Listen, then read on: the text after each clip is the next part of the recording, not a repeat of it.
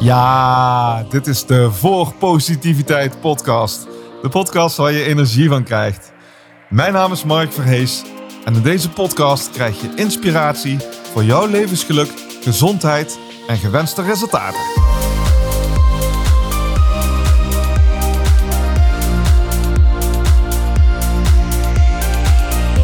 Voor positiviteit,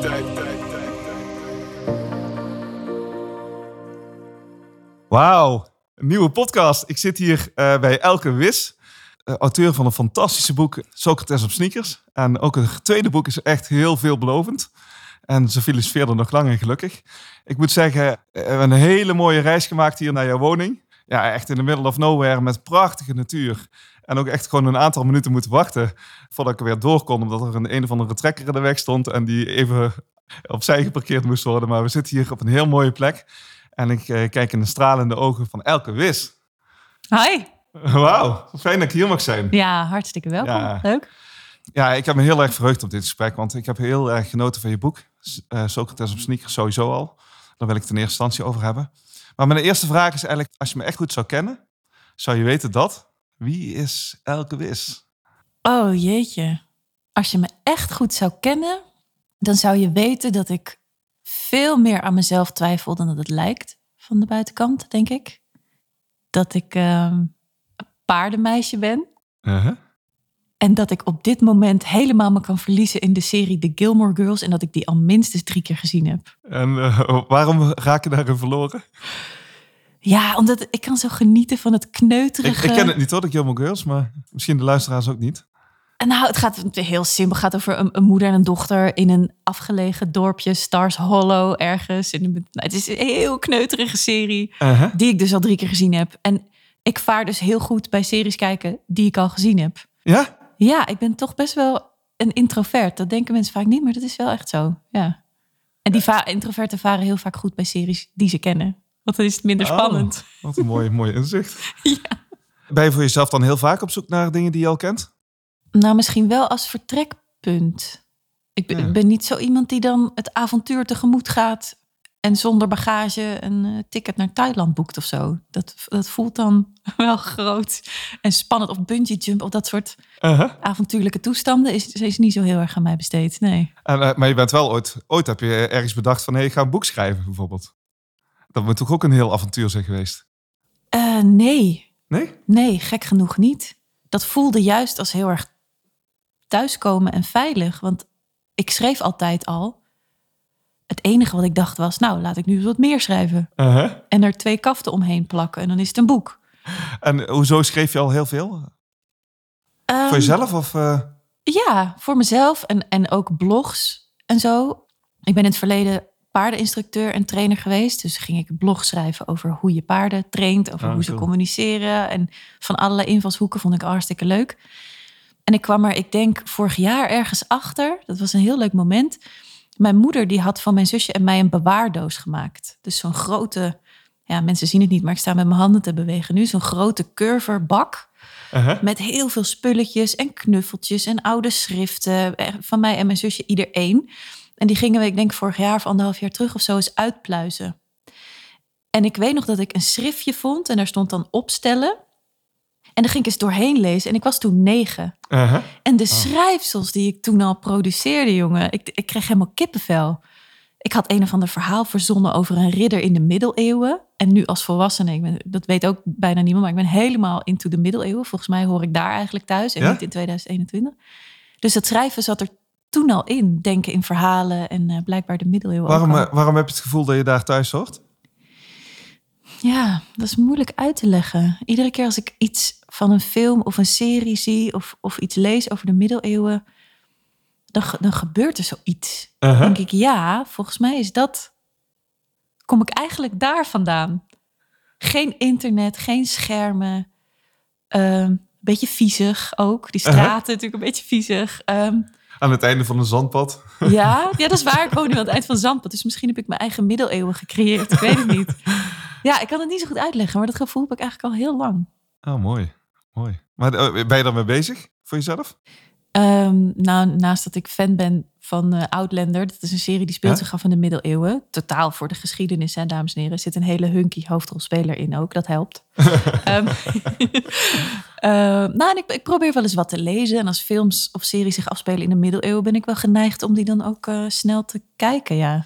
En je tweede boek is natuurlijk ook gewoon echt verhalen. En eh, niet per definitie heel actuele verhalen, maar ergens ook weer heel actuele verhalen. Net zoals Ja, misschien wel is. tijdloos. Ja, Net zoals eh Sneeuwwitje of Assepoester ehm, tijdloos is. zijn deze verhalen dat misschien ook wel. Ja. en Socrates op sneakers natuurlijk ook gewoon tijdloos is eigenlijk. ja, dat gaat zich nog bewijzen, denk ik. Maar ik hoop het. Ja, want eh, eh, ik vroeg net van, goh, hoeveel boeken heb je al verkocht? En het loopt al tegen de 50.000 aan op dit moment. Dat is Ja. wel echt een waanzinnig succes. Ja, Als ik het in mijn omgeving vraag aan mensen van, eh, of over jouw begin of over het boekbegin, iedereen die heeft er wel van gehoord. Eh, of is het al aan het lezen of wil het gaan lezen. Dus ik weet ook zeker dat er nog veel, veel, meer, lu- veel meer boeken de lezers bij komen. Want ja, er zijn ook een heel, heleboel mensen die nog, nog willen gaan lezen. ja. En dat is alleen maar heel gaaf. Maar dat komt eh, voor, voor een deel denk ik ook gewoon omdat het zo, met zoveel enthousiasme is al, eh, ontvangen. ja, dat denk ik.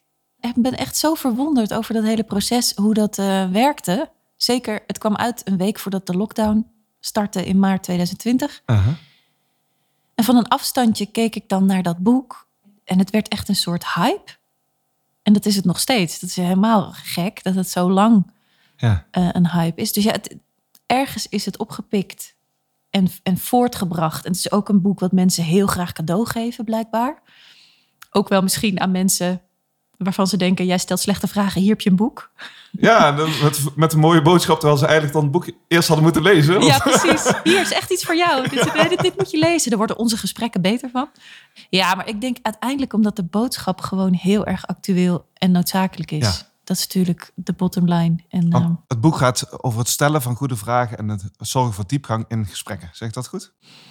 ja, en ook wel een meer filosofische benadering van gesprekken voeren. Die we niet zo goed kennen, denk ik. En je zegt van er is behoefte aan. Ja, dat denk ik wel. Waarom? Omdat we het zo missen en er zo naar verlangen. Jij zit hier nu ook niet voor niets. Ja. Je zei er straks van ja, ik vind het zo gaaf om bij mensen binnen te komen en meteen, we hebben meteen diepgang, we hebben het ergens over. Volgens mij is dat ook de menselijke natuur. We willen verbinden en het ergens over hebben. En tegelijkertijd doen we soms onbewust heel onhandige dingen om dat nou precies te saboteren. Ja.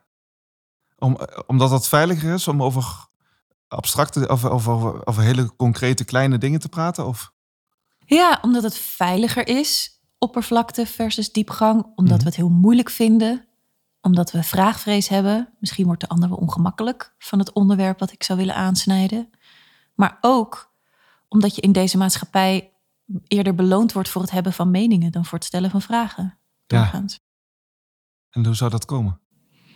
Ja, beats me. Volgens mij omdat we dat soort voorbeelden continu zien.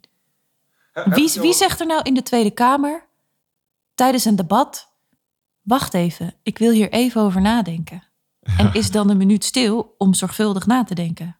Dat Ja. gebeurt niet. Ja, het is bijna alsof dat een, als een zwaktebod gezien zou worden. Nou, dat is niet bijna, dat is zo. Ja. Denk ik. Eén keer heb ik het eh Thierry Baudet zien doen. Nou, vind ik Thierry Baudet altijd een beetje. Hij heeft natuurlijk de naam van ja, nemen we dat dan serieus of niet? Maar, eh, maar hij werd uitgelachen. Hij was even stil. Toen werd er wat gelachen, geloof ik. Toen zei hij van ja, maar ik mag toch wel even nadenken over een antwoord. Toen werd hij nog harder uitgelachen. Ja, bijzonder hè? Ja, Terwijl eigenlijk, hij doet iets heel goed. vind ik Want wel. Bij, Ja. Zeker bij grote dingen. Eh, ik zou me juist eigenlijk zorgen moeten maken als mensen meteen een antwoord hebben. Maar ja, dat wantrouw ik altijd een beetje. Als mensen dat doen. Als mensen meteen een antwoord hebben? Ja, Ja. dan denk ik, nou, hoe, hoe zorgvuldig heb je er dan over nagedacht? Ja, en, en, en natuurlijk is het in de politiek sowieso natuurlijk heel erg moeilijk om... eh, Er spelen zoveel complexe dingen. En het is ook vaak veel complexer dan wij zelf al kunnen overzien. Mhm. En om er dan nog een, een goed beeld van te hebben en alle dossiers goed te kennen. En ja, ik zou niet in de politiek willen zitten. Jij? Nee, ik was als, eh, als jongere wel zo helemaal fan van eh, die debatwedstrijden en zo. Ja? Ja, mocht ik ook nog naar zo'n landelijke versie. En mijn moeder zei dat altijd. Van nou, ze zei, je moet advocaat worden, want je kan heel goed argumenteren. En sommigen zeiden, nou, misschien de politiek, maar ik moet er niet aan denken. Nee. Nee. Nee, je- volgens mij heb je wel je, echt je plek gevonden, toch? Ja, steeds meer. ik ben nog meer. steeds eh, zoekende. Ik ben ook gewoon mens. En, en ik hou ook wel van dat je jezelf keer op keer mag en moet uitvinden. Ja, de- eh, eh, ik, je geeft antwoord en ik denk van, ik vind het ook zo'n mooi antwoord. Want eigenlijk is het maar een hele rare vraag van mezelf. Ik, ik vond het een heel mooi stukje van de Descartes. Over eigenlijk hoe meer vragen dat hij zichzelf stelde. Hoe minder dat hij wist, Mhm. eh, als ik het goed samenvat. En ja, dat is, vind ik zo ontzettend mooi. Zo ontzettend mooi dat we in het leven blijkbaar soms geneigd zijn om, om, om dingen te, te denken te weten. Ja. Eh, waar komt dat vandaan toch? ja, dat weet ik niet.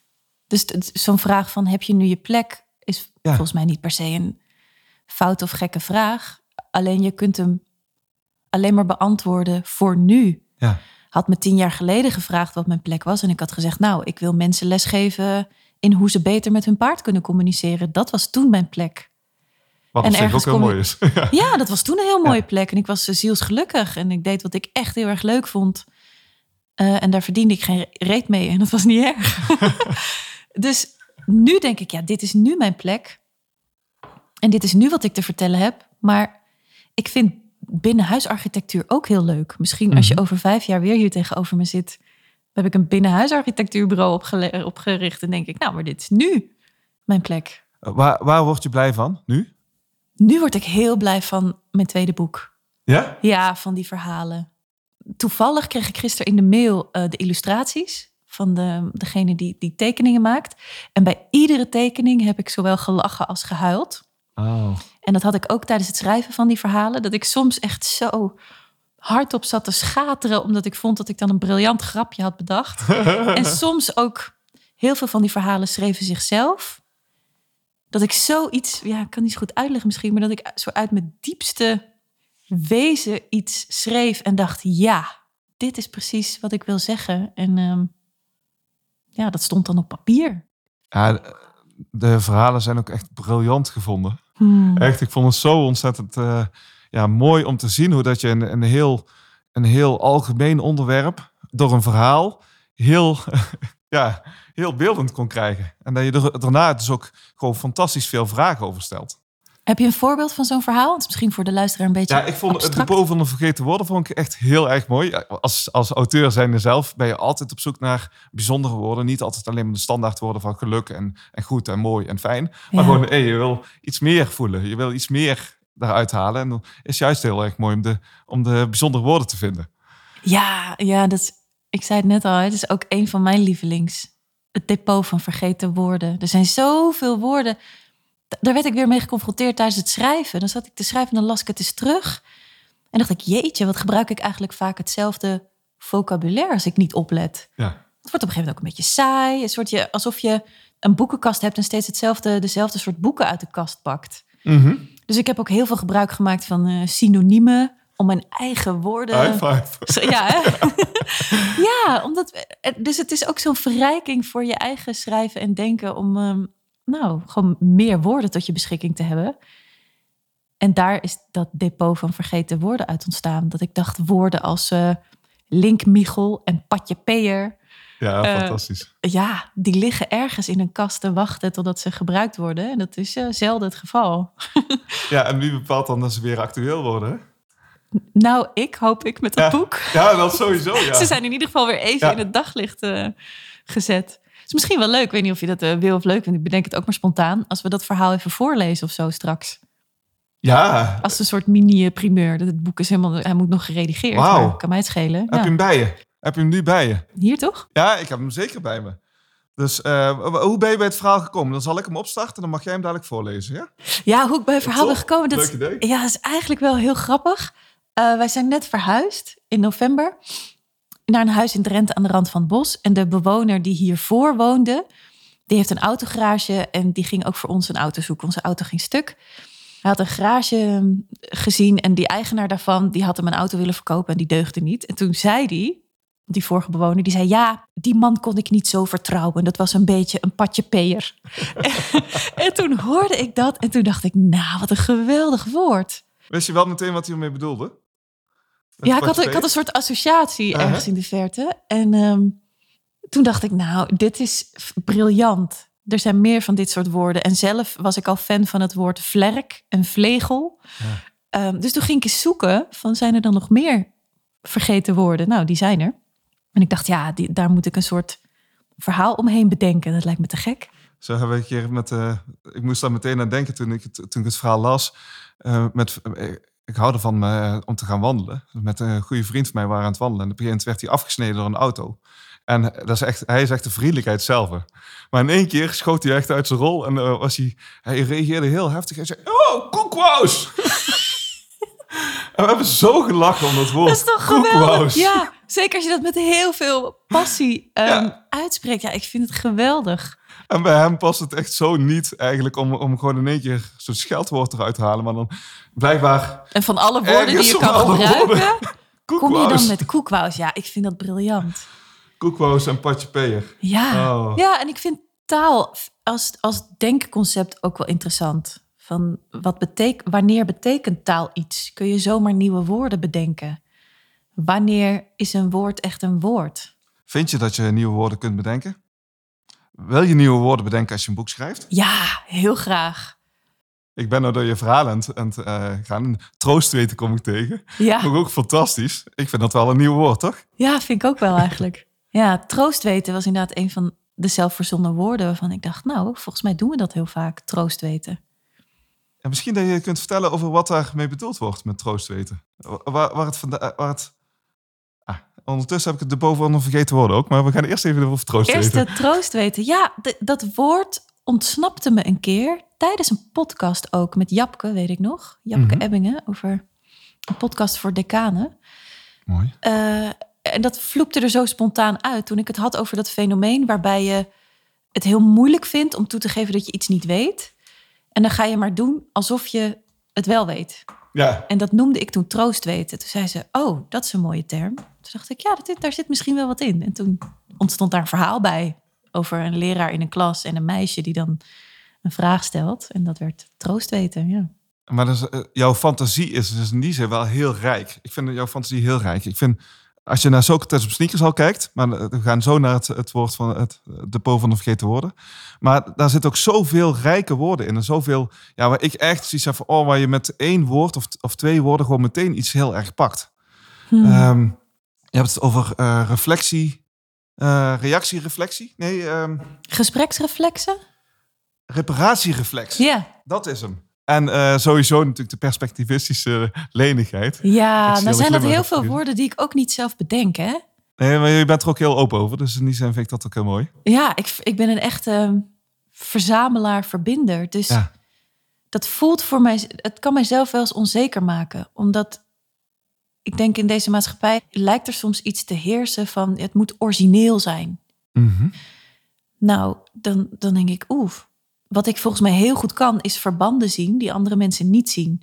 Mooi. Dus ik heb ook dingen uit de paardenwereld, vind je ook af en toe in op Ja. sneakers, of dynamieken of lessen die ik daar gaf, denk ik nu, hey, elementen daarvan komen ook overeen met hoe we gesprekken voeren. Hoe tof is dat? Ja, Dus ik kan heel goed verbanden zien en verzamelen, maar ik kan moeilijker zelf een heel eigen.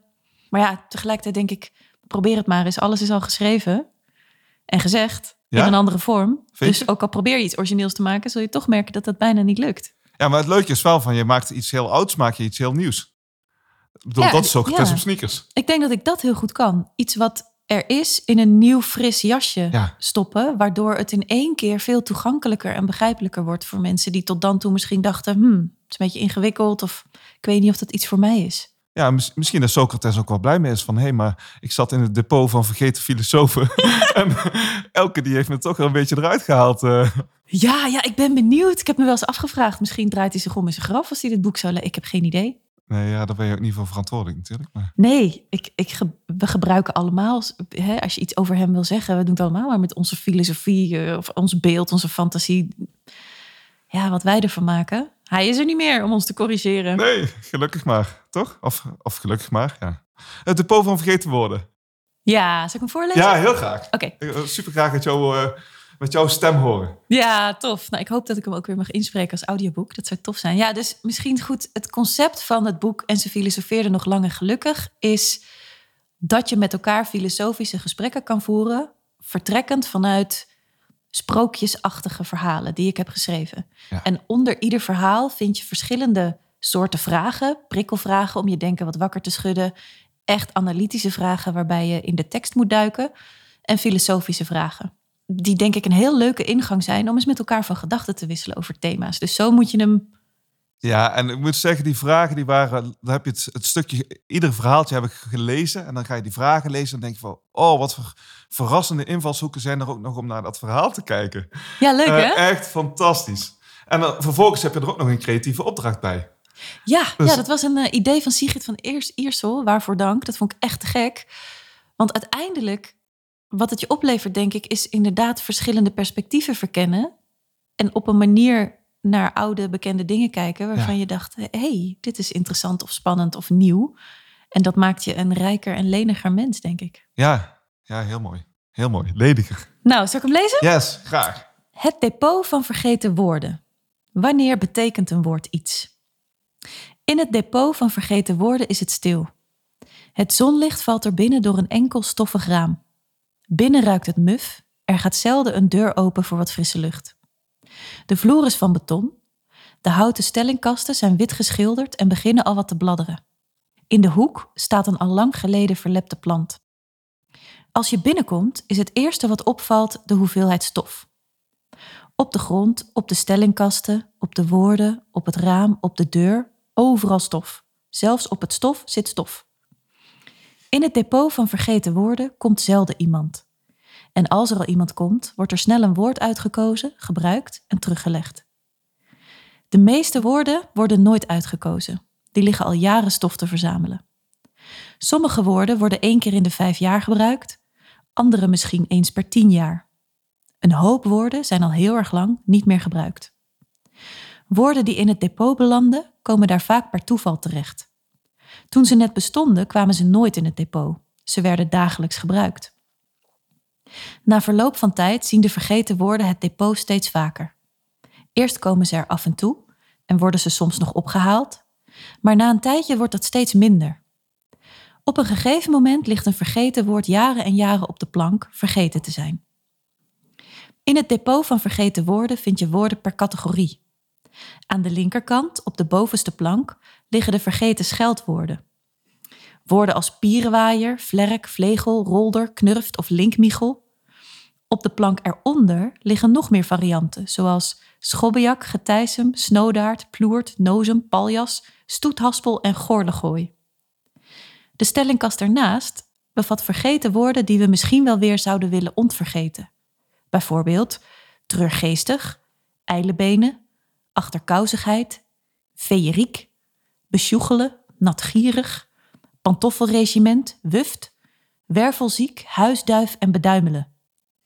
Aan de andere kant van de ruimte de moeilijke woorden waarmee je heel intelligent lijkt. Die zijn niet door iedereen vergeten, maar wel door de meeste mensen. Alleen een klein clubje geleerden gebruikt ze nog. Abusiefelijk, infaam, doch, jegens, derhalve, axioma, dichotoom, abject, geëquilibreerd, conciliatie, abhorreren, enigmatisch. Onderin, daar waar je ze bijna niet ziet, de woorden die misschien helemaal geen woord zijn, of misschien maar voor een paar mensen op de hele wereld. Klomphoutig, marveleus, ribbedebie, elixazewater, groeifantamomie, regelzinnigheidjes, troostweten. Het depot van vergeten woorden is een fijne plek om te zijn. Het is er rustig en heel stil. Geluid van buiten hoor je er eigenlijk helemaal niet. Als je in de ruimte staat en naar de woorden kijkt, word je je bewust van een verleden waar je zelf nooit in hebt rondgewandeld. Verhalen die je nooit hebt gehoord, kopjes thee die je nooit hebt gedronken met mensen die je nooit hebt gekend en ook nooit zal kennen. Het depot van vergeten woorden doet je beseffen dat alles uiteindelijk groter is dan jij. En eh, die, die slotzin. Echt, eh, bij ieder verhaal heb je een slotzin. En deze slotzin vind ik ook zo mooi. Oh, thanks. Wat Ja. lief. Ja, Echt. ik was hier ook wel tevreden over. Ja, maar waarschijnlijk schrijf je hem op en dan je denkt van, oh ja, wauw. Ja, en ik kwam er ook wel achter tijdens het schrijven dat dat een thema is wat ik blijkbaar graag aanraak. Er zitten wel vaker van dat soort overdenkingen van hoe, hoe klein of nietig we eigenlijk zijn. Of Ja. het, het thema bij jezelf naar binnen kijken kwam ook wel in meerdere verhalen terug. Dus dat vond ik ook heel grappig. Dat ik- Doe je dat zelf veel? Bij mezelf naar binnen kijken? Ja? Ja, ik denk het wel. Vind ik is niet altijd leuk of makkelijk, maar, maar ik doe mijn best. Nee, maar zeker op het moment dat je op een filosofische manier naar jezelf naar binnen kijkt, dus maakt het jezelf niet altijd makkelijker mee. Nee, helemaal niet. Nee, Maar dat hoeft ook niet. nee. Wat het uiteindelijk oplevert is ehm, zelfkennis. En wat zelfkennis weer oplevert is gemoedsrust, omdat je makkelijker keuzes maakt. Daar worstel ik ook nog steeds mee.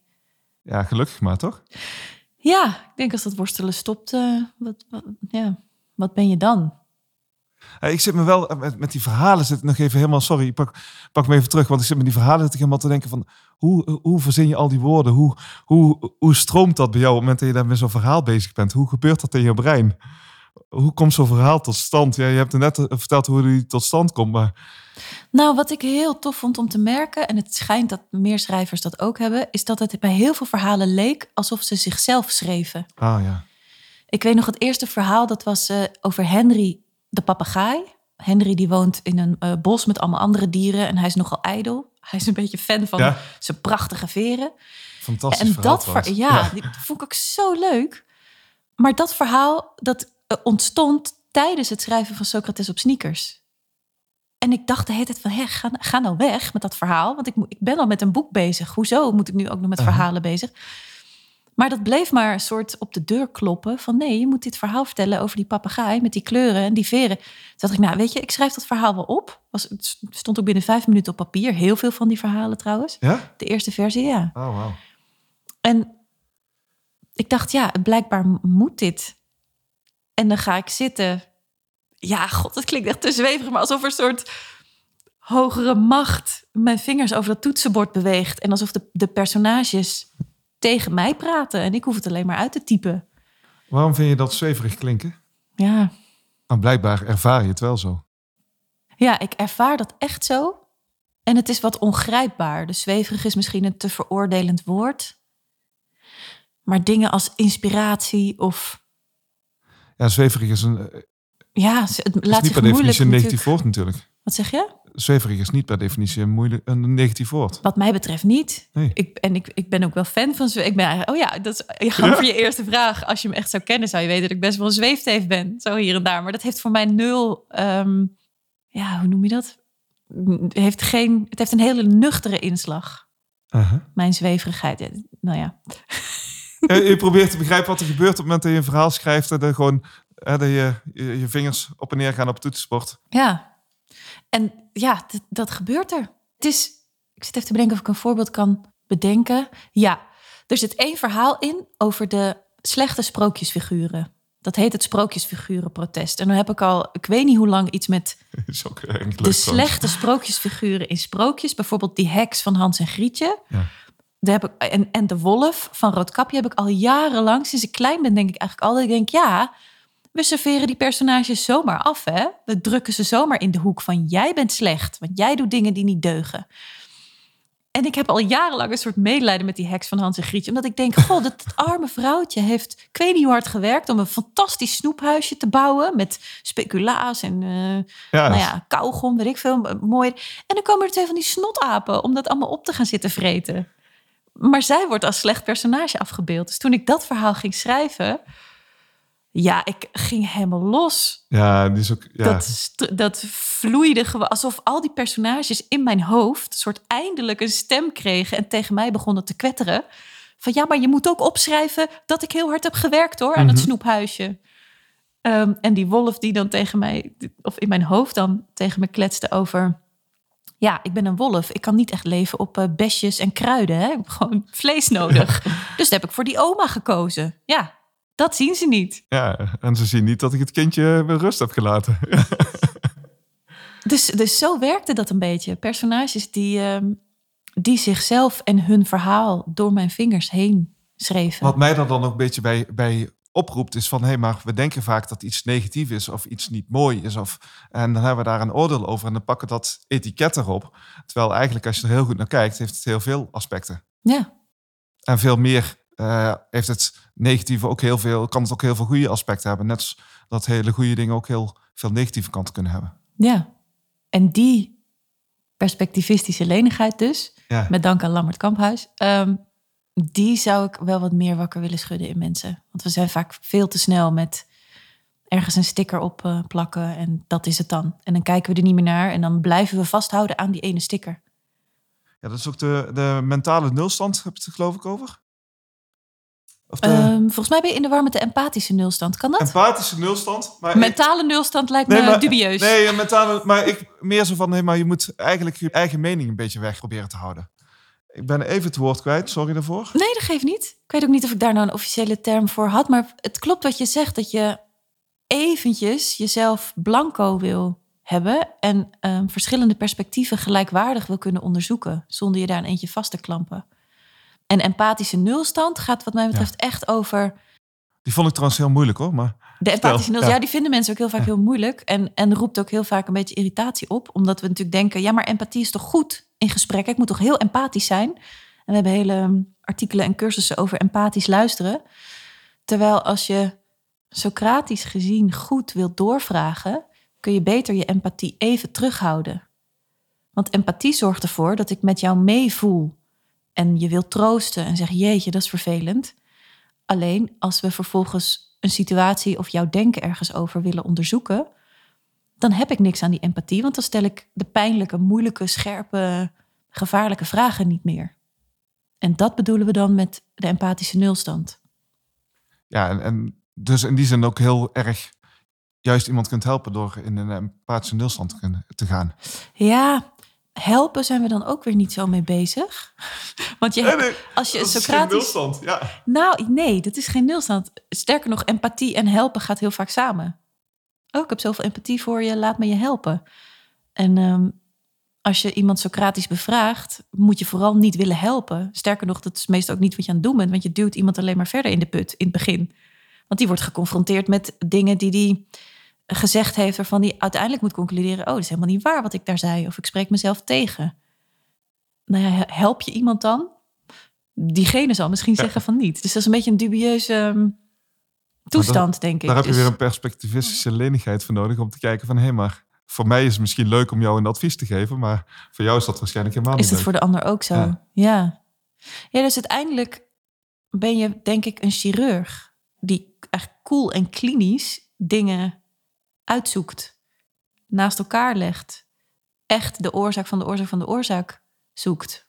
Maar als een chirurg boven de operatietafel heel empathisch gaat zitten wezen en gaat zitten meehuilen, heeft die patiënt daar niet zo heel veel aan. Nee, nee die, eh, die heeft gewoon die heeft gewoon echt iets aan met Ja, dan kan ik niet snijden. Ja, als, ik, als ik gaan janken ben, kan ik niet snijden. Of ik snij scheef. Nou, dat, dat willen we misschien niet. Empathische nulstand in, in, in gesprek is misschien wel heel, een hele mooie uitdaging ik merk voor mezelf heel vaak dat, er, ook als ik een podcast opneem, ik vind het heel erg gaaf om, om op de dingen in te gaan die ik heel erg leuk vind. En mijn enthousiasme daarover te delen. En dat doe ik ook heel erg graag. En op het moment dat jij dan een verhaal vertelt, dan moet ik echt op mijn handen gaan zitten. Om niet meteen te zeggen, oh ja, dat heb ik ook. Dat heb ik ook! oh, dat herken ik. Dus ik heb een aantal keren net al gezegd van, oh wacht even, niet.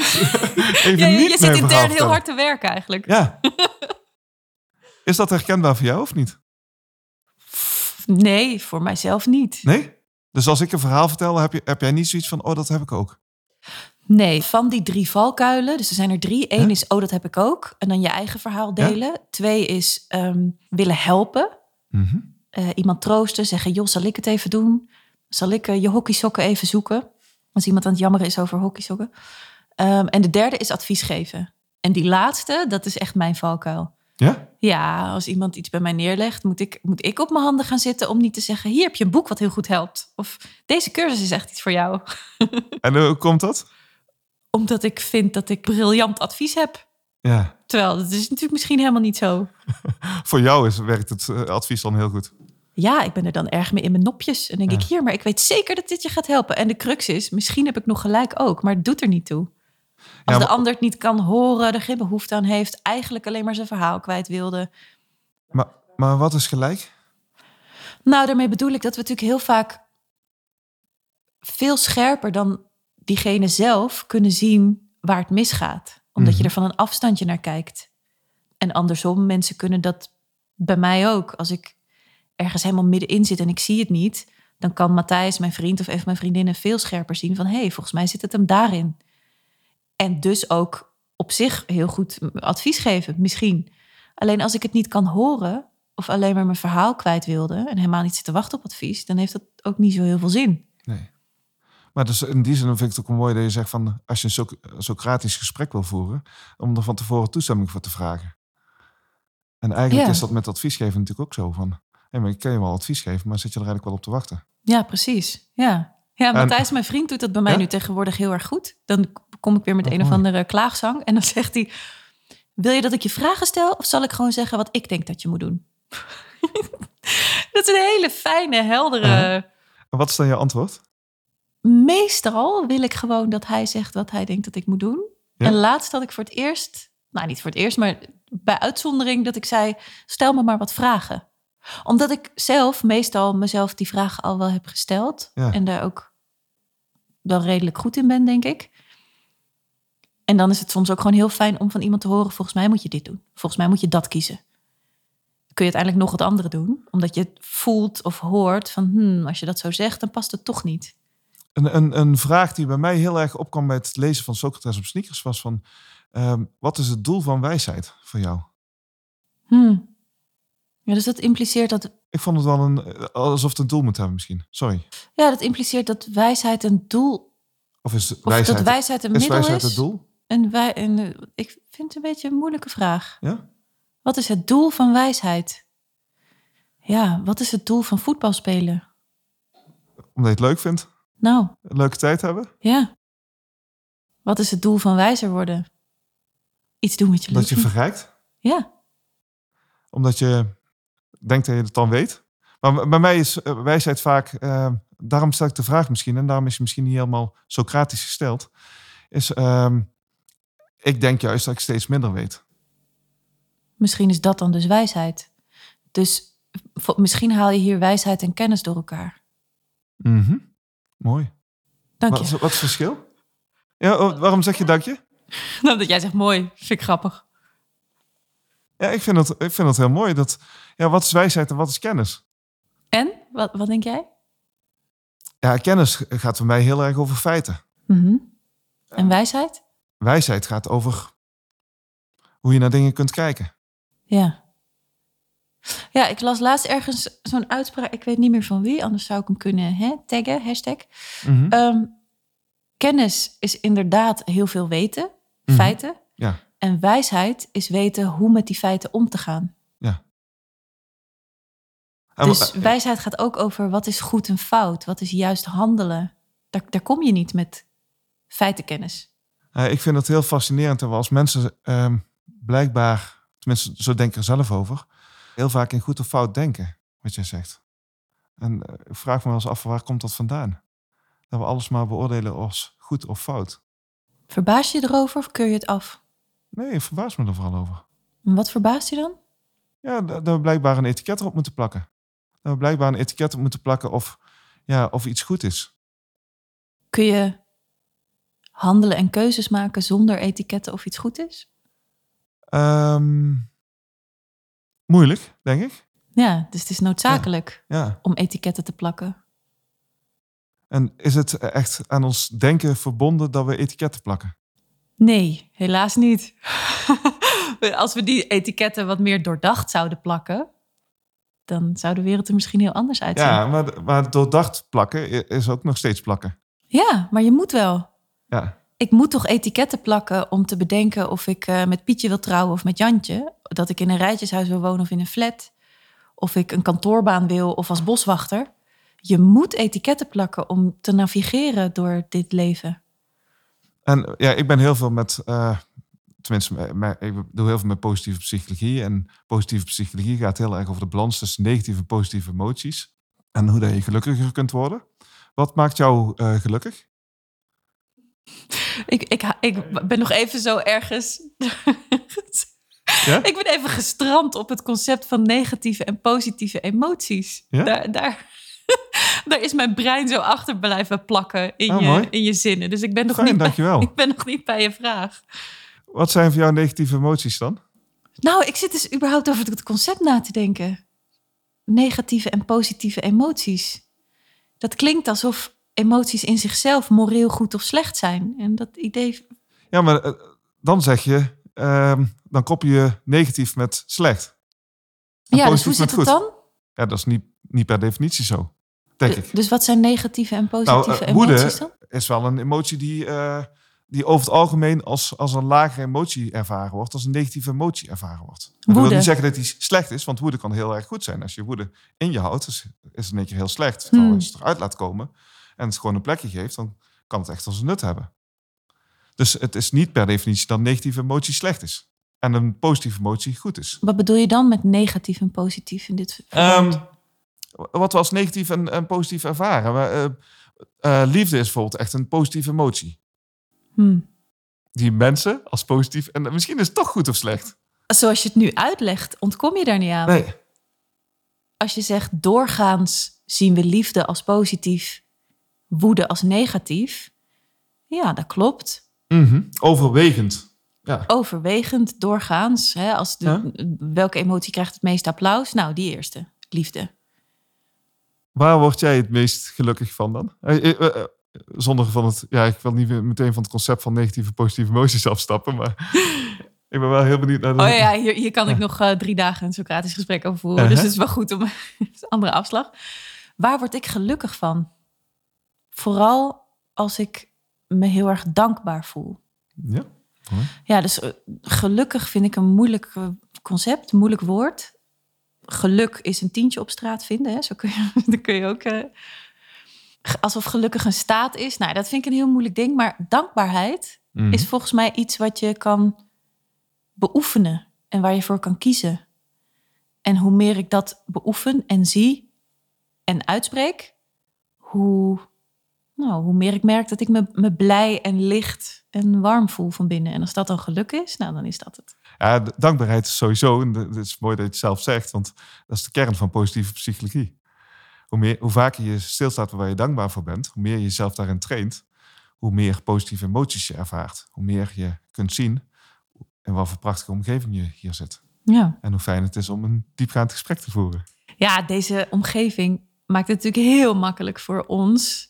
Wij, wij lopen dagelijks hier over het erf met nog steeds een soort... Ja, zijn helemaal verbouwereerd van joh, dat wij hier mogen wonen. Wat absurd.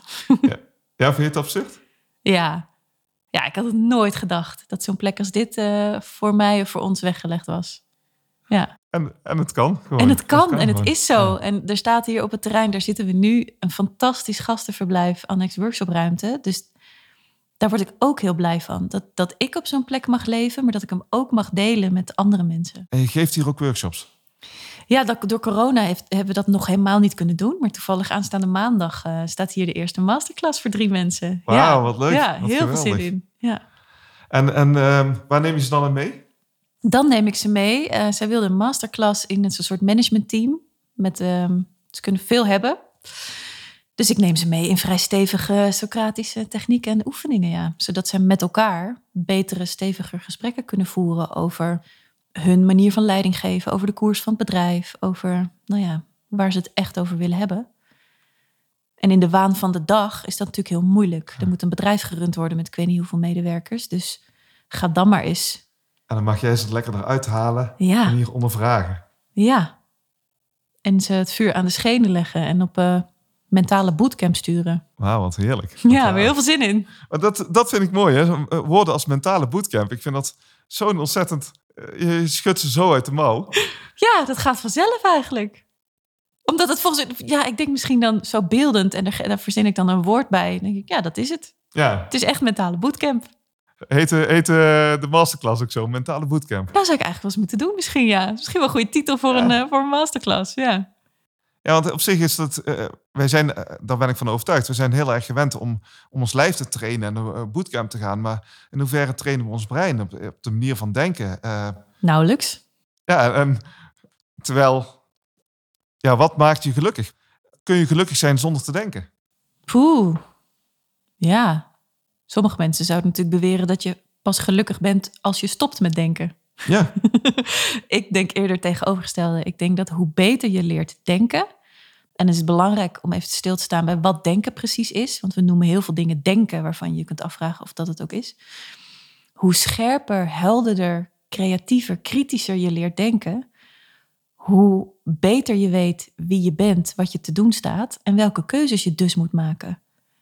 En dat hangt een beetje samen met het wereldbeeld van, volgens mij ben je hier om jezelf continu te scheppen en steeds opnieuw te bepalen wie je bent en wie je wilt zijn. En het gat daartussen, ja, daar heb je denkwerk voor te doen. Ja, mooi, heel mooi. Tussen wie je bent en wie je wilt zijn. Ja.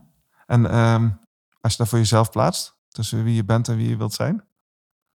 Dan ehm, valt dat regelmatig heel erg samen. Ja? Ja. Oh, wauw. En dat, dat geloof ik ook. Hoe meer dat samenvalt, ja, hoe meer je, ja, noem het maar, gelukkig bent, op je plek bent, in je kracht staat. Maar daar krijg ik altijd een beetje jeuk van.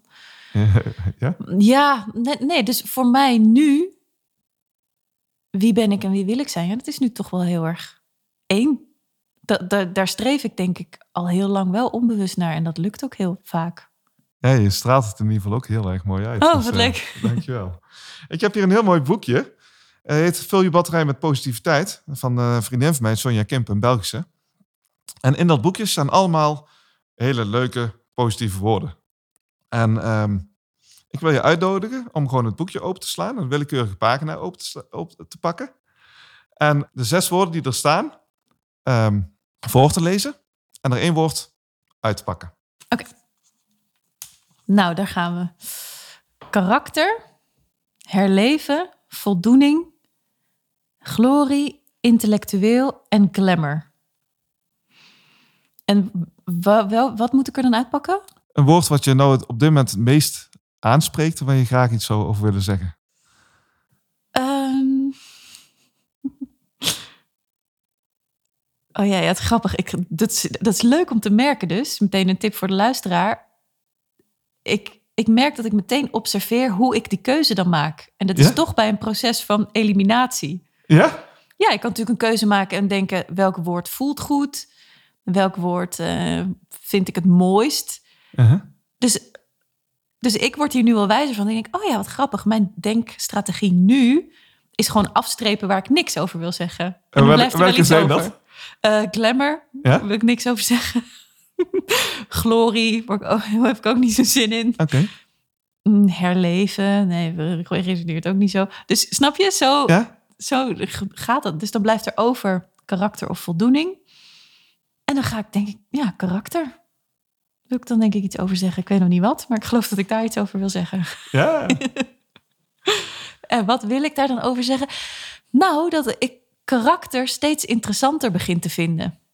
En dat het me ook steeds helderder wordt wat mijn karakter nou eigenlijk is. Dat vond ik heel lang heel erg moeilijk. En was me ook niet zo duidelijk. En dat wordt me steeds duidelijker. En dat vind ik eigenlijk heel lollig. en wat is je karakter dan? Ja, precies. Dat vraag me ook af. Nou, ik denk in de basis wel licht. Ik vind lichtheid ook heel belangrijk. Ehm, scherp, beetje eigenwijs. Soms ongeduldig ook wel. Eh, serieus? Ja, ja. Ik kan me er echt helemaal niks meer voorstellen, maar goed. Nee, gelukkig meer mensen niet. Maar Ja. vraag maar eens aan, mijn- aan mijn lief. Die, Ja? eh, ja, ik kan heel ongeduldig zijn. Soms ook wel een zeurpiet. Uh-huh. Eh, Pietje precies. Kritisch. Ook wel. Veel Mhm. eisend. Ja, dus, dus zo'n karakter... eh, echt van jezelf zien. Ook de minder leuke kanten. Dat heb ik heel lang heel erg moeilijk gevonden. Ook vanwege een soort misplaatst perfectionisme of zo. Van, oh, maar ik moet perfect zijn. Ik mag geen fouten maken. Ik moet iedereen te vriend houden. Mhm. Dat laatste vind ik nog steeds heel moeilijk. Om ja, stom gevonden te worden of zo. Dat vind ik nog steeds heel ingewikkeld. Maar sinds ik me er echt wel in ben gaan scholen om de nare stickers die we heel makkelijk op anderen plakken. Zo, die is arrogant, die is gierig, die is slordig. Om die ook op mezelf te plakken. Ehm, is het allemaal veel rustiger en relaxter. Want ja, ik ben af en toe, eh, noem het maar, slordig, kritisch, veel eisend, pretentieus, heus. Nou, Ja? zwa. Ja, natuurlijk. Ja, dat is toch ook heerlijk? Nou, het is in ieder geval heerlijk om, Wel, heerlijk om er Om- open over te zijn. ja, want dat, dat betekent ook dat ik heel veel, dat je niet zoveel energie besteedt aan dat maar te verbergen of eh, te repareren of te fixen of ehm, mooier te maken dan het is. Nee, ja, kom op hé. We zijn allemaal mens. Ja, wat ik heel grappig vond toen ik mijn boek schreef. Ik heb een verhaal geschreven over ongeduldig zijn. En ik ben echt, ik vind mezelf heel erg ongeduldig. En ehm, toen ik aan het schrijven was, had ik echt zoiets van, nou, ik wil een hoofdstuk schrijven over ongeduld. Over mijn ongeduld. Maar ik wil er ook een les in geven. Maar ik had echt zoiets van, ja, ik kan daar echt geen les in geven. Want ik ben zo ongeduldig. Echt, mensen lachen me alleen maar uit. Eh, dus ik wil nou allemaal voorbeelden te schrijven waar, waarom ik zo ongeduldig ben. En wanneer dat het geval is. En toen dacht ik bij mezelf van, is het nou echt zo erg? Ben ik nou echt altijd ongeduldig? En toen kwam ik erachter van, hé, hey, maar ik kan soms ook heel geduldig zijn. Wat is dat dan? En uh, ik merkte in één keer dat ik de pijn van ongeduld heel goed ken, maar het tegenovergestelde ook ken. En als ik daarvoor kies, dat me heel veel bevrediging, heel veel voldoening geeft. Hmm. Omdat ik die pijn ook aan de andere kant zo goed ken. Ik denk van ja, maar wacht eens even, ik ben dus niet ongeduldig. Ik ben ook niet geduldig. Ik ken het gewoon allebei. Ik zit wat vaker in mijn ongeduld, dus ik gedraag me vaak wat ongeduldiger. Dan dat ik moet zeggen van hé, hey, maar ik ben ongeduldig. Mm Dus ik vind karakter in die zin ook wel een heel interessant iets, want is, dat, dat suggereert eigenlijk alsof het iets vast is. Geloof je dat het vast is? Dat er echt stempels op jou staan en je denkt van, oh, ik ben ongeduldig, ik ben pretentieus, ik ben dit. Nou, niet vast in de zin van onoverkomelijk en dus 24 uur per dag, 7 dagen per week. Nee. Volgens mij ken je als mens allebei de kanten van elke munt. Ja. Je kent zowel geduld als ongeduld. Ik denk alleen wel dat, het, dat je karakterneigingen hebt. Ja, mooi. En karakterstructuren die deels te beïnvloeden zijn, maar deels ook waar je je maar gewoon beter mee te verzoenen hebt dat levert je meer op dan er tegen knokken, denk ik. Ja, maar dat is met alles. Ja. Dus is het vast? Nee, niet absoluut. Volgens mij is niks absoluut, maar wel. Volgens mij sta je vaak aan één kant van de schaal. En hoe beter je dat ziet en weet van jezelf, hoe fijner en luchtiger het leven wordt doorgaans. Ja, en, en ook voor mij werkt het in ieder geval heel erg goed om dan ook de andere kant op te zoeken. Als ik, er, als ik daar behoefte aan heb. Als ik er geen behoefte aan heb, ja, waarom zou ik het opzoeken? Ja, dus dat vind ik wat zo mooi wat denken biedt. Denken biedt je opties. Ja. En daarmee vrijheid. Je bent niet meer overgeleverd aan, ja, maar zo ben ik nou eenmaal. Ja. Nee, je, ja, je creëert opties tot anders denken en daarmee anders handelen. Of je dat vervolgens ook gaat doen, ja, daar kun je dan over beslissen. Maar het is toch fijn om de opties te hebben. Ervaar je jezelf als een andersdenker? Wat is een andersdenker? Ja, je hebt over anders denken. Gewoon iemand die veel anders denkt. Ervaar je jezelf anders dan anderen? Ja, dat wel. Want je hebt daar een vergelijking voor nodig natuurlijk. Ja, nou ik heb me wel een soort... Het buitenbeentje gevoel is altijd wel heel sterk geweest. Ja. En vind je dat dan mooi? Vind je dat mooi? Geniet je daarvan? Uh, nee. Nee? Nee, ik vond dat wel heel moeilijk. Nee, ik was ook, was en ben ook gewoon een meisje dat erbij wil horen. Tuurlijk. Ja. Maar ik merk wel, nou, god, ja, zo'n cliché, maar naarmate ik ouder word. Hoe oud ben je trouwens? Ik ben 35 nu. Oké in uh, mei 2021. Dus als je het later luistert, dan uh, tel er maar wat mee op. Um, Heel goed. Ja, buitenbeentje, nou, dat is dan maar gewoon zo. Ik heb, ik heb daar heel erg lang tegen geknokt. Op de toneelschool bijvoorbeeld voelde ik me heel erg zo. En vond ik dat moeilijk en probeerde ik er tegen te vechten. En probeerde ik erbij te horen, waarmee je nog meer een buitenbeentje wordt. Mm -hmm. Totdat één docent op een gegeven moment een soort evaluatie gaf voor iedereen in de klas. En hij begon mijn evaluatie met elke wis. Het buitenbeentje. en ik weet nog dat hij dat zei en dat ik een soort opluchting voelde van... Oh, godzijdank, iemand heeft het gezien en ik hoef er niet meer zo ja? tegen te vechten. Of Oké, dat is dan gewoon zo. Je vond het fijn dat je die stempel, dat je dat etiket kreeg? Ja. Oh, wat bijzonder. Ja, want ik voelde me dat al, ja. maar vond dat ik het recht niet had om dat te voelen en dat ik het uh, anders zou moeten doen en dat ik er toch bij moest horen. Dus ik was continu met mezelf in gevecht. Waardoor je natuurlijk ook niet de meest toegankelijke en congruente persoon wordt voor anderen. Terwijl juist, ik denk, uh, juist als je het omarmt, dan schrijf je van die fantastische boeken zoals Socrates op sneakers. En ze filosofeerden de klangen nou ja, gelukkig. Ja, je hebt dat tien jaar ervoor nodig hè, aan de zelfwerk om, om die buitenbeetjesrol te omarmen. Maar dat, ja. Want anders had je niet zo'n zo fantasierijke verhalen geschreven, waarschijnlijk. Als je niet, als je niet omarmd had. Ja, maar of in ieder geval me ermee verzoend. Van Ja. oké, dit is dan wat het is. Nou, punt. Is het verzoenen? Of omarmen? Vind je het ook vind je het een mooie eigenschap van jezelf? Mm, Je krijgt wel een hele grote glimlach op je gezicht. maar vooral omdat ik de vraag leuk vind. Oké. Ja, als het dan een eigenschap is, hè, buitenbeentje zijn of anders denken. Uh-huh. Mm, ik weet niet of ik het. Misschien vind ik het mooi nog lelijk. Ik vind het soms niet zo fijn, omdat het ook wel eenzaam maakt. Ik heb, ja, er zit ook eens dan een stuk eenzaamheid bij. Maar omdat ik me daarmee verzoend heb, is dat ook oké. Maar ervaar je het dan als eenzaamheid? Of? Want ik kan me Eh. best indenken door, door jouw eh, fantastische boeken die je geschreven hebt, die ook eh, weer helemaal nieuwe dingen ontstaan. En mensen juist van heinde en verre hier naartoe komen om met jou te praten. Ja, dus dat is wel waar. ja, dat is waar. Er zijn die je- mensen die naar een godvergeten oord in Drenthe rijden om een uurtje een podcast op te nemen. Ja, dus dat is te gek. Dus ik heb ook wel, zeker toen vorig jaar Socrates op Sneakers net losging op internet en helemaal een hit werd, Uh-huh. Heb ik, vond ik ook gewoon heel erg leuk om te zien hoe mensen foto's, selfies maakten met mijn boek. Heb Ja. ik er heel veel van verzameld. Inmiddels kan ik het niet meer bijhouden, maar ik heb het op een pagina gezet. Oh, wat gaaf. En iedere keer als ik eh, eh, aan mezelf twijfelde of me onzeker voelde of verdrietig was, zei ik tegen mezelf: Elke, ga naar die pagina op internet. En don't you dare say dat je onzeker, zelf twijfel. Daar is het. Wie heeft er nu zo'n soort wall of fame om aan zichzelf te bewijzen dat het zin heeft wat hij hier doet op aarde? Ja, dat gevoel is natuurlijk te gek. Dat is waanzinnig. Ik wil iedere luisteraar die nu zit te luisteren en denkt van... hé, maar ik ga dat boek Socrates op sneakers of en ze filosofeerde nog lang en gelukkig... uitdagen om een foto, een selfie te maken met, met jezelf en het boek. En gewoon naar elke te mailen. Ja, dat mag altijd. Ja, ik ben, nou, dat went dus ook niet. En ook andere schrijvers die ik erover spreek, ik weet niet hoe jij dat ervaart, maar als mensen iets leuks schrijven of echt Ja. de moeite nemen om een mailtje te sturen van ik heb je boek gelezen, ik vond het zo gaaf, ik heb dit eruit gehaald. Iemand zei eh, ergens een keer, mijn vriend heeft je boek gelezen, ik merk nu wel verschil. Dat vind ik zo gaaf als mensen de moeite nemen om dat te zeggen en het went nooit. Ja, dat is fantastisch.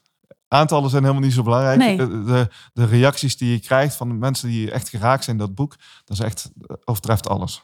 Ja, Ja. Dat is fantastisch. Ja, het is ook, het is nooit zo dat ik dan zo'n mailtje krijg en denk, ach ja, er is er weer een, dankjewel, doei. Nee, ik, ik blijf echt zo dankbaar en blij dat Ja. ze de moeite nemen om Ja, hun blijheid of wat ze aan het boek, dat je dat, nou, dat is wel een dingetje. Je moet achter je computer gaan zitten, een mail sturen, hopen dat die aankomt. Je moet dat een beetje opschrijven. ja. Nou, vind ik echt kicken als mensen dat doen. Ja. Gaaf. Eh, laatste vraag. Denk je wel eens na over het einde van je leven? Heel vaak, bijna dagelijks. Ja? Ja. Eh, ook eh, in de zin van eh, een doel of een richting of hoe dat je herinnerd wil worden? Nee, daar heb ik niet zo controle over hoe ik herinnerd word. Hoe denk je er dan over? Je denkt er dagelijks over, dus. Ja, ik denk wel dagelijks na over. Socrates op sneakers ook begonnen. Ik denk al heel lang na over dat het eindig is wat ik hier aan het doen ben. Ik had een keer zo'n gesprek met iemand en die zei ik dat, van dat ik zo bezig was met de dood. Toen zei ze, nou, toen was ik nog jonger. Zei, nou, je bent begin 30, hoezo? Dat is toch super deprimerend? Je wordt toch heel oud? Nou, waar, waar heb jij het garantiebewijs liggen dan? Ja. Dat weet ik niet. De kansen zijn van wel, maar inmiddels ben ik ook oud genoeg om te zien en ervaren te hebben dat dat nog helemaal geen gegeven is. Nee. Ehm, dus ik, ik probeer in ieder geval bewust te zijn van dat feit. Wat me helpt om keuzes te maken en zorgvuldig te zijn in, nou ja, hey, ik, ik weet niet wanneer de klok op is. Waar moet die tijd dan heen? Wat wil ik dan achterlaten? Niet als in voor mijn herinnering, maar wat kan ik bijdragen aan Ja. deze wereld? Nou ja, mijn bijdrage is dan eh, boekjes. Ja, boekjes maken. boekjes. Waar moet mijn tijd dan heen? Dat is sowieso een hele mooie vraag als je het over de dood hebt. Van, hé, maar hoe ga ik mijn tijd benutten? Ja, het lukt me echt niet altijd hoor. Want ik, kritiek en zo vind ik allemaal heel moeilijk. Maar dat kan me ook wel helpen in... ga ik me hier nou druk over maken? Uh-huh. Of als ik helemaal uitzoom, wetende dat die dood ooit eh, eh, op mijn deur klopt... of is het helemaal niet zo belangrijk... en heb ik wel betere dingen te doen... met de veel of weinig tijd die mij nog rest. Ja, En dan weet je voor jezelf het antwoord wel. ja. Soms, stel, je- soms stelt elke wist zichzelf ook als vragen waar je het antwoord wel op weet. ja maar die je toch keer op keer moet herhalen... Mooi, om ze ooit mooi. misschien een keer te geloven. Ja. Ja. Wauw, dankjewel Elke. Ik heb het gevoel alsof we nog echt uren, dagenlang door zouden kunnen praten. Maar uh, ik zou in ieder geval de luisteraar willen, willen aanmoedigen om gewoon uh, een van de twee of liefst allebei de boeken gewoon te lezen. En je te laten meenemen en ook gewoon uh, voor jezelf ook gewoon de uitdaging aan te gaan van hé hey, maar hoe werkt dat nu voor mij? Een stukje reflectie op te pakken. Ik heb daar in ieder geval zelf heel erg veel aan gehad. Ook in de gesprekken die ik nu al gevoerd heb. En uh, hopelijk ook naar de podcast die ik later nog ga opnemen en de vragen die ik stel. Dankjewel Elke voor deze fantastisch mooie gesprek. Dankjewel dat ik hier mocht zijn. Wauw. Dankjewel voor het luisteren naar de Voor Positiviteit podcast. Ben je geïnspireerd door deze aflevering en wil je nog meer positiviteit in jouw leven? Ga dan naar voorpositiviteit.nl slash spreuk van de dag en je krijgt elke dag de beste positieve spreuk gratis in je mailbox. Abonneer je natuurlijk ook even op deze podcast via je favoriete podcast-app. Elke keer als er dan een nieuwe aflevering voor je klaar staat, krijg je automatisch een berichtje. Persoonlijk vind ik het altijd gaaf om voor jou als luisteraar te horen hoe deze aflevering je geraakt heeft. Heb je een bepaald inzicht gekregen? Of wil je graag iets delen over deze aflevering? Laat dan alsjeblieft een reactie achter op voorpositiviteit.nl/slash podcast. Nogmaals, hartelijk dank voor het luisteren en graag tot de volgende keer.